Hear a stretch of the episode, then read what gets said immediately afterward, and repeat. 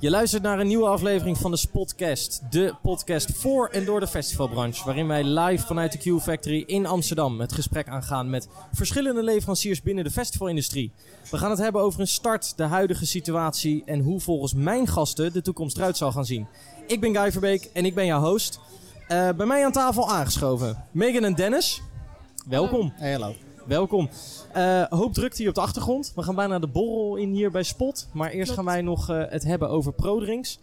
Um, voordat we daar naartoe gaan, uh, ben ik eerst even benieuwd naar jullie. Stel jezelf eens even voor.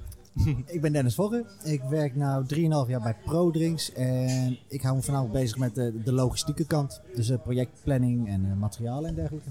Ja, en ik ben Megan de Vette en in februari werk ik over vijf jaar voor ProDrinks.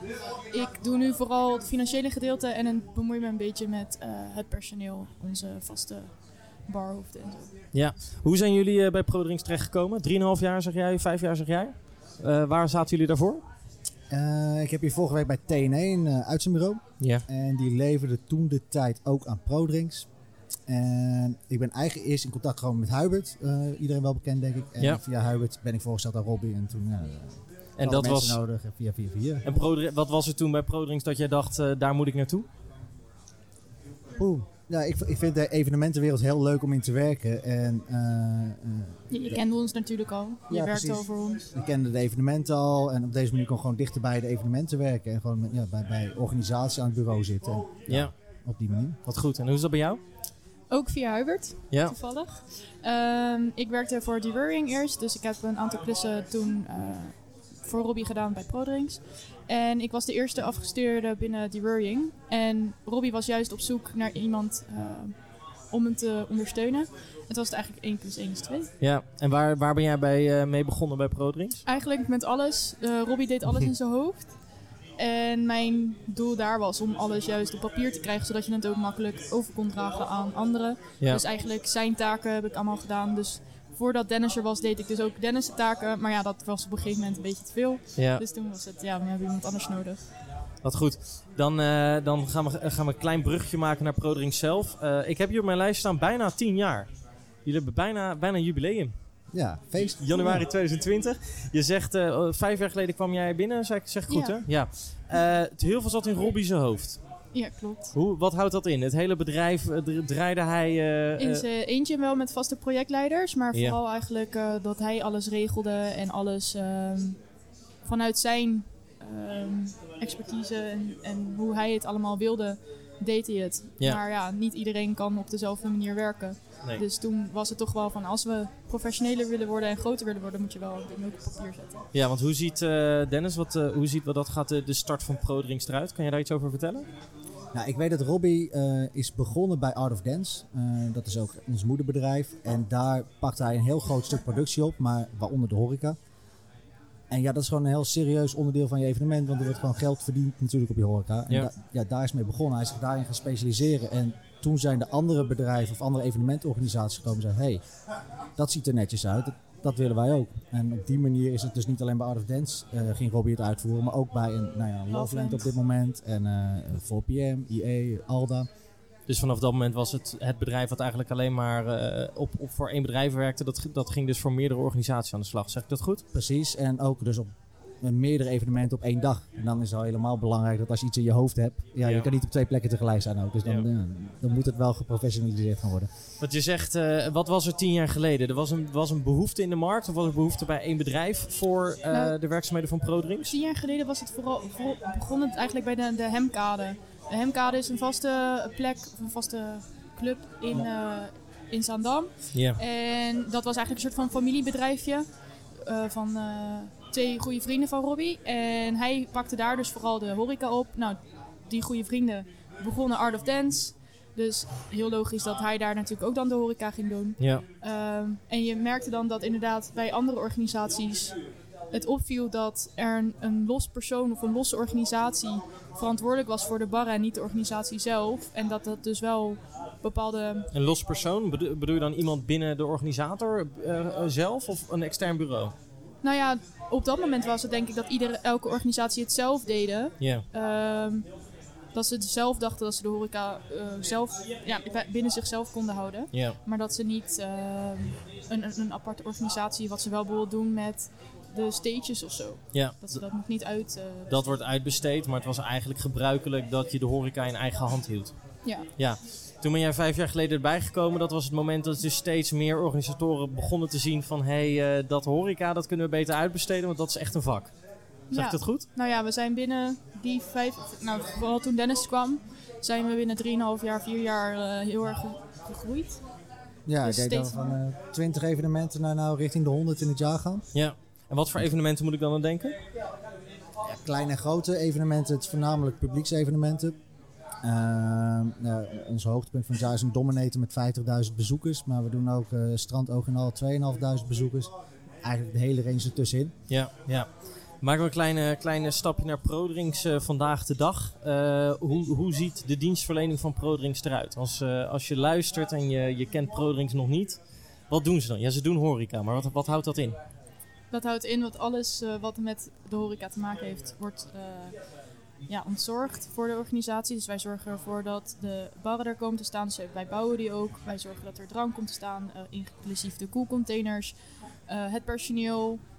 Ehm, eigenlijk hoeft de organisatie zich niet meer druk te maken over de horeca op het festival. Ja, Plus dat wij dus niet alleen eh, dat willen verzorgen, maar ook echt willen nadenken of meedenken met de organisatie over sponsor, deals of eh, waar we het beste de bar natuurlijk neer kunnen zetten, zodat we de meeste eh, binnen kunnen krijgen.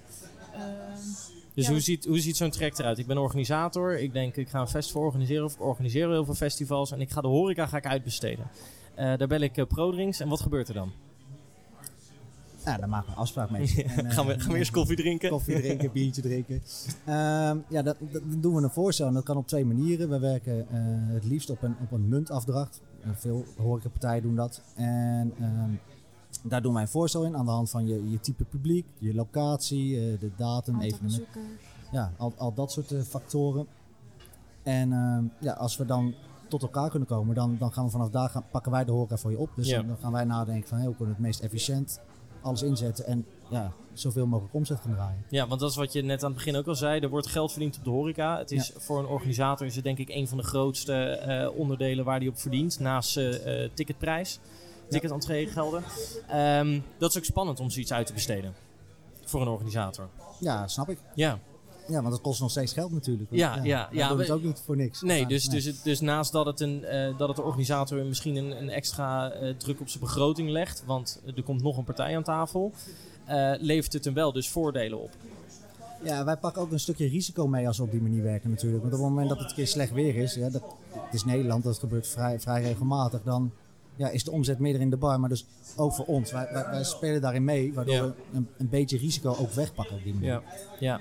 Eh, en dan, dan heb je het over een, een afdracht eh, van een muntje, Ja. zeg je, waar je bij werkt.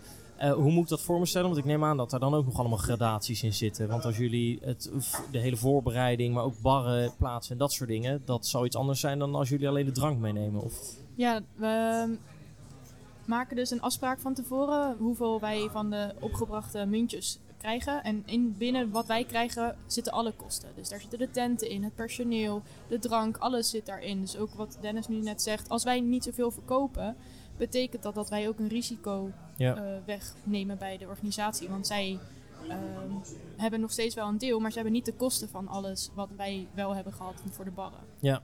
Dus zij hebben dan alleen nog maar de inkomsten ervan. Ehm, Ja, precies. En we kunnen wel, er zijn ook partijen die inderdaad alleen maar drank willen inkopen. Maar op dat moment werken we gewoon met inkoopprijs van de drank. En dan koop je de drank bij ons in. En dat reken je af. Ja. ja, goed dat je dat aangeeft. Want eh, als je dan kijkt naar de jullie activiteiten, hoe, ehm, eh, hoe, hoe staat ProDrinks daarin eh, tegenover de concurrenten, conculega's in de markt? Hoe onderscheidt ProDrinks zich daarin? ja, ik denk dat wat ik net zei, dat wij ook wel meedenken met de organisatie zelf. Dus wij proberen ook eh, sponsordeals ehm, voor, de, voor de organisatie te...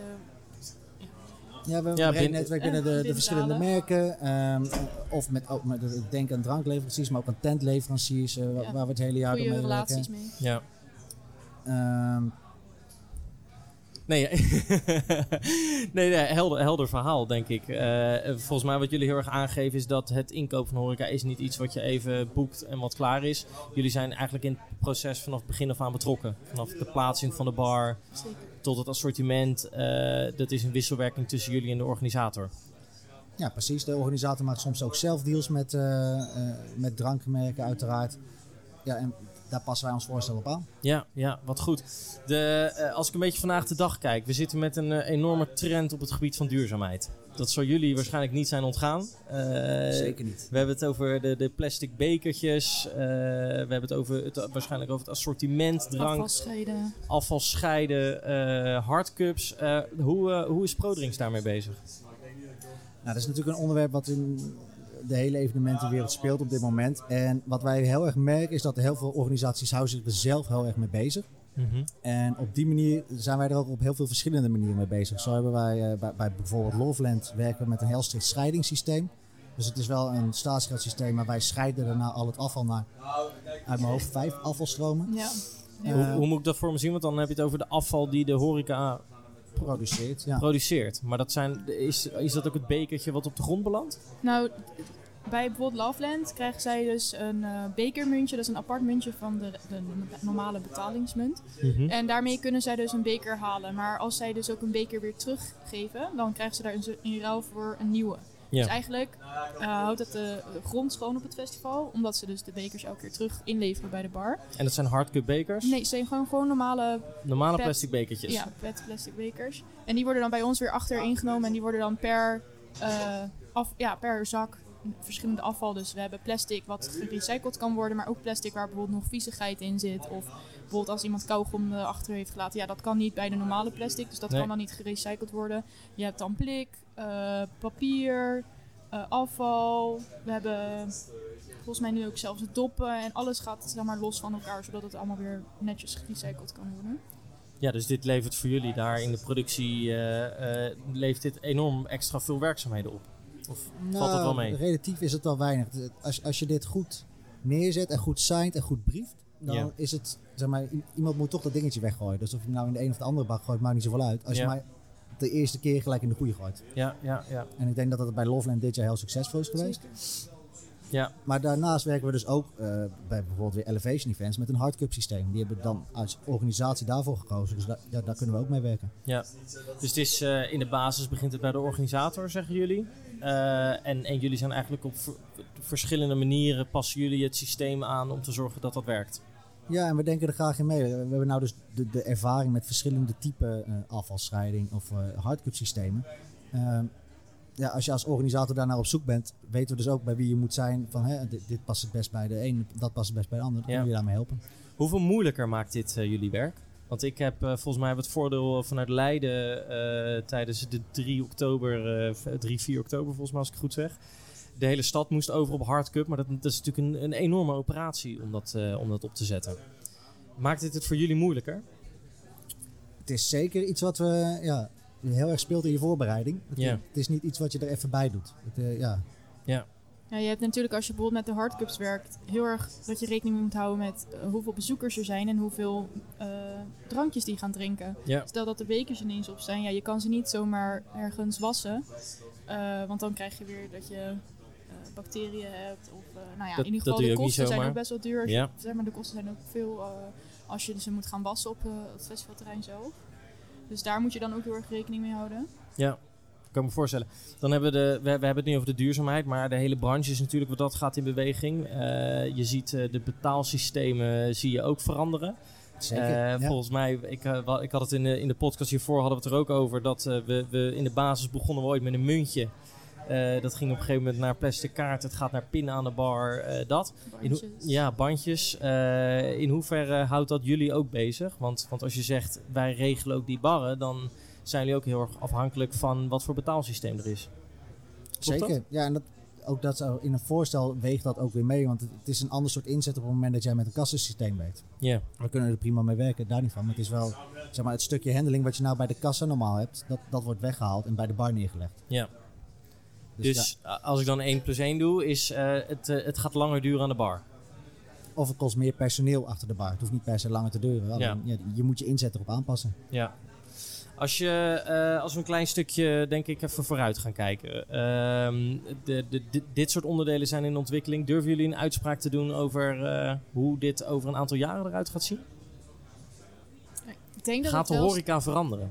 Ik denk dat het sowieso wel meer naar de kassasystemen gaat. Ze Ja. zijn zich natuurlijk heel erg nu aan het ontwikkelen. Ehm, dat betekent niet dat het nu nog zo vlekkeloos loopt. Want dat, ja, je hebt nog steeds wel een beetje eh, last af en toe met stroom. Of, eh, Ja. het- als je, we hadden één keer op een festival, één dag, hadden we een eh, stroomstoring van een uur op meerdere festivals van ons. Dat betekent dat je gewoon een uur lang niet kan verkopen. En dat heb je bijvoorbeeld niet met muntjes. Maar ja, daar gaan ze denk ik wel allerlei dingen op verzinnen dat je steeds meer met pin. Maar, ja, dat, maar dat voorbeeld, eh, dan liggen alle kassas eruit. Ja. En dan houdt het op. Dan houdt het op. Dus dan had een plastic muntje had nog de Handig oplossing kunnen is. bieden. Eh, maar in dit geval eh, kon er niet verkocht worden. Nee, en dat de- vinden de bezoekers niet, eh, Nee, niet heel leuk. Die, hebben daar ook niet echt, die, die houden er niet echt rekening mee dat dat kan gebeuren. nee. Maar ja, Gelukkig zie je wel, ik denk als je inderdaad eh, naar de volge, die, die vorige podcast, podcast luistert, dat dus ook die systemen dus in ontwikkeling zijn. Ik heb daar nu gehoord dat dus inderdaad nu de, de eh, bepaalde terminals dus hun eigen stroomvoorziening gaan krijgen, zodat ze minimaal 8 uur nog kunnen doordraaien. Dus je ziet volgens mij daarin ook wel dat Ja. die markt dus heel erg in ontwikkeling is. daarom denk ik ook wel dat het op een gegeven moment, ja, dat cashless eh, het betaalsysteem gaat worden. Dat is wel de toekomst inderdaad. Het is Ja. ja. eigenlijk van de gekke dat je s'avonds laat met z'n allen om een stel munch heen zit alsof het goud is. Ja. Maar ja. Ja, ja. Eh, staat er over vijf jaar nog eh, personeel achter de bar? Of is dat, is dat een hele moeilijke vraag? Oeh. Tapt iemand nog mijn biertje als ik, als ik eh, bij de bar sta? Nou, soms denk ik wel eens, waarom hebben we geen robots inderdaad?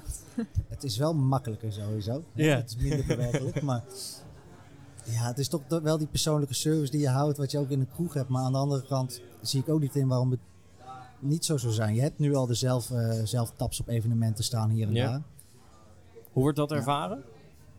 Eh, Persoonlijk heb ik er nog niet eh mee gewerkt. Dus Nee. ik, eh, Nee. En je zegt mensen blijven toch ook die persoonlijke benadering heel belangrijk vinden. denk ik. Ja, gaan we wel vanuit. Ehm, interessant. Hoe, hoe gaat ProDrinks... hoe- staat ProDrinks... Want we zitten hier... De brug die ik wil maken naar Spot eigenlijk. We zitten hier met 15 leveranciers. Eh, jullie staan niet op jezelf. Jullie werken heel nauw samen met, met de andere partijen hier. Zegt dat ook goed? Ja, zeker. Er zijn genoeg partijen hier met wie we veel samenwerken. Met Ja. Burring onder andere natuurlijk. Ja. Eh Crewfood werken we heel graag mee samen. Is dat dus ook dat als, eh, als, als ProDrinks aan tafel komt, dat dus ook niet alleen de expertise van de horeca wordt meegenomen, maar dat jullie ook een soort van de partners om jullie heen hebben om op grotere schaal te ontzorgen? Nou, we proberen wel altijd als iemand, als een organisatie komt van hé, hey, we zoeken ook nog dit of we zoeken nog dat, dat wij onze eh, vaste leveranciers of, of relaties naar voren schuiven van misschien kan je deze eens contacten. Ja. Ehm, zodat je inderdaad niet alleen jezelf, maar ook je, je relaties en klanten eromheen een beetje Ja, kan aanprijzen. ja tuurlijk. Dan, eh, we hebben het nu vooral over de organisator gehad, die jullie eh, heel erg ontzorgen. Eh, daarnaast zullen er vast en zeker ook mensen luisteren die zelf achter zo'n bar willen staan. Kan zoiets? Zeker. Wij hebben wel, ehm, ja, wij zijn, wij zijn zelf dat we vooral werken met uitzendbureaus. Ja. Omdat het voor ons, onze business is niet een, eh, zelf een uitzendbureau zijn. We hebben wel een klein eh, groepje met vaste barhoofd en vaste runners. ja. Ehm, Runners, wat zijn dat? Ja, de runners zijn de mensen die de koelkasten eh, vullen in de bar. Oké. En, en dan denk je, dat is niet zo lastig. Maar als een bar echt goed draait, dan gaan, dan gaan die koelkasten heel snel leeg. Ja. Eh, dus dat betekent dat ze vanaf de koelcontainer, dat, eh, waar al het drank zeg maar koud staat, ehm, de koelkasten in de bar ja, bevoorraden. Zeg Blijven maar. bevoorraden. Ja, Zodat vervolgens weer de groep personeel die dan achter de bar staat ze gewoon... weer kan, makkelijk kan pakken, alles koud is. Ja, Ja, die mensen re- eh, rennen heel veel, tillen heel veel. Maar ja, die zijn wel heel erg belangrijk. Want alles wat open is, bijvoorbeeld aan het eind van de dag, kunnen wij niet zo makkelijk meer terugbrengen of, of hergebruiken. ja. Dus dat is ook wel weer. Ja, daarom hebben wij een vast barhoofd, dus de persoon die echt verantwoordelijk is voor de bar. En een runner die dus verantwoordelijk is voor onze handel. ja. Eh, en dat is ons eigen uitzendbureautje. Eh ProTeam heet dat. En dan vooral voor de rest werken we met uitzendbureaus. Dus dat zijn de mensen die gewoon de mensen helpen en de biertjes stappen. Ja. Volgens mij komen we nu ook wel gelijk dus op die kracht. Hè, waarom zo'n horecapartij dus heel belangrijk is voor een organisator. Is inderdaad wat je zelf al aangeeft. Bijvoorbeeld de drank wat overblijft aan het einde van een evenement. Eh, Jullie hebben de kennis en ervaring om dat denk ik zo minimaal mogelijk te houden. Zeker. Maar ook dus te zorgen dat die hele schakel wat je aangeeft van, van de koelcontainer tot aan het drankje wat uiteindelijk wordt uitgeserveerd. loopt, ja. eh, hebben jullie tijdens het festival eh, helemaal onder controle. Ehm, wat is nou eh, persoonlijk interesse hoor? Wat is nou het allergrootste dat er ooit is misgegaan? Groot wat mis is gegaan. Nou, niet wat per se mis is gegaan, maar we hebben wel... Natuurlijk kan er wel eens eh, eh, dat, dat er iets niet helemaal gaat zoals je Dat is- gepland hebt. Volgens mij is dat ook een Maar- beetje ons, ons vak, hè? dat er altijd wel dingen mis moeten gaan. Nou, we hebben dit jaar voor het eerst bijvoorbeeld een festival eh, op de dag zelf niet door eh, kunnen laten gaan door het weer. Oké, Ehm, dat is echt dus de e- eerste keer in tien jaar dat wij een festival hebben afgelast. Dat eh, ik er persoonlijk zelf al eh, stond om tien uur 's ochtends. En dat het festival dus om 12 uur open ging. En dat we dus om tien uur eh, door, hadden, ja. hadden doorgekregen dus dat het festival niet doorging. Dat het was afgelast. ja. Dat is bijvoorbeeld eh Dus je dit moet jaar- voor me zien, alles staat klaar, koelcontainers staan klaar, barren staan klaar. Ja. Start en start Alles, alles stond klaar. Eh, wat aan de andere kant fijn was, we hadden wel een, onze vaste groepje met barhoofden. Was er al, dus we hebben ook gelijk alles weer naar beneden gehaald. Het is wel heel jammer dat je natuurlijk alles eh, neer hebt gezet. Ja, En dat het festival niet, eh, niet door kan gaan. ja. En wat nog erger was, is dat het smiddags gewoon best wel lekker weer werd. Echt waar? Ja, Ja. De zon, eh, de zon ging toch nog schijnen. Ja. Dus dat is Ehm, wel iets wat ja, dit, dit jaar voor het eerst was. ja. Niet eerder. Jullie, eh, om, hem, eh, om hem af te sluiten, wat is jullie persoonlijke ambitie eh, binnen ProDrinks? Waar hopen jullie zelf nog eh, op uit te Ook komen? Ik zou het wel vet vinden als we een keer iets in het buitenland zouden, eh, zouden gaan doen. We zitten nu vooral nog echt in Nederland. Ja, Dus dat is denk ik wel iets wat, waar we in kunnen groeien. want hoe, weet, weet je hoe het buitenland opereert wat betreft eh horeca op evenementen? Nou, volgens mij... Kunnen ze leren van de Nederlandse standaarden? Nou, ik denk dat wij überhaupt in Nederland een eh, voorloper zijn op festivals. Als je merkt dat, an- zeg maar, als wij ook festivals doen waar bijvoorbeeld Spanjaarden komen of Engelsen. Die zijn helemaal niet gewend dat het zo ehm, georganiseerd is als, als ja, de festivals hier zo georganiseerd zijn eh, in, eh, ten, ten opzichte van hun ja, festivals in, in, in Engeland of in Spanje of Frankrijk. ja, Dus ze zullen vast ook wel iets van onze horeca kunnen leren. dus daar ligt een kans. Ja. En voor jou? Internationaal lijkt me sowieso inderdaad ook heel interessant. En daarnaast komen er natuurlijk de komende jaren een paar hele mooie evenementen naar Nederland. En als we ja, in zulke soort grote evenementen een rol zouden kunnen spelen, zou ik wel heel mooi vinden. Ja, wat ontzettend leuk. Ik, eh, ik eh, hoop dat als wij elkaar eh, volgend jaar eh, tijdens spot spreken, dat, eh, dat dan of die grote evenementen voorbij zijn gekomen, Of, Of, dat eh, zijn. of dat jullie inmiddels in het buitenland zitten. Yes, Dankjewel voor jullie tijd en eh, veel plezier nog vandaag. Dankjewel. dankjewel.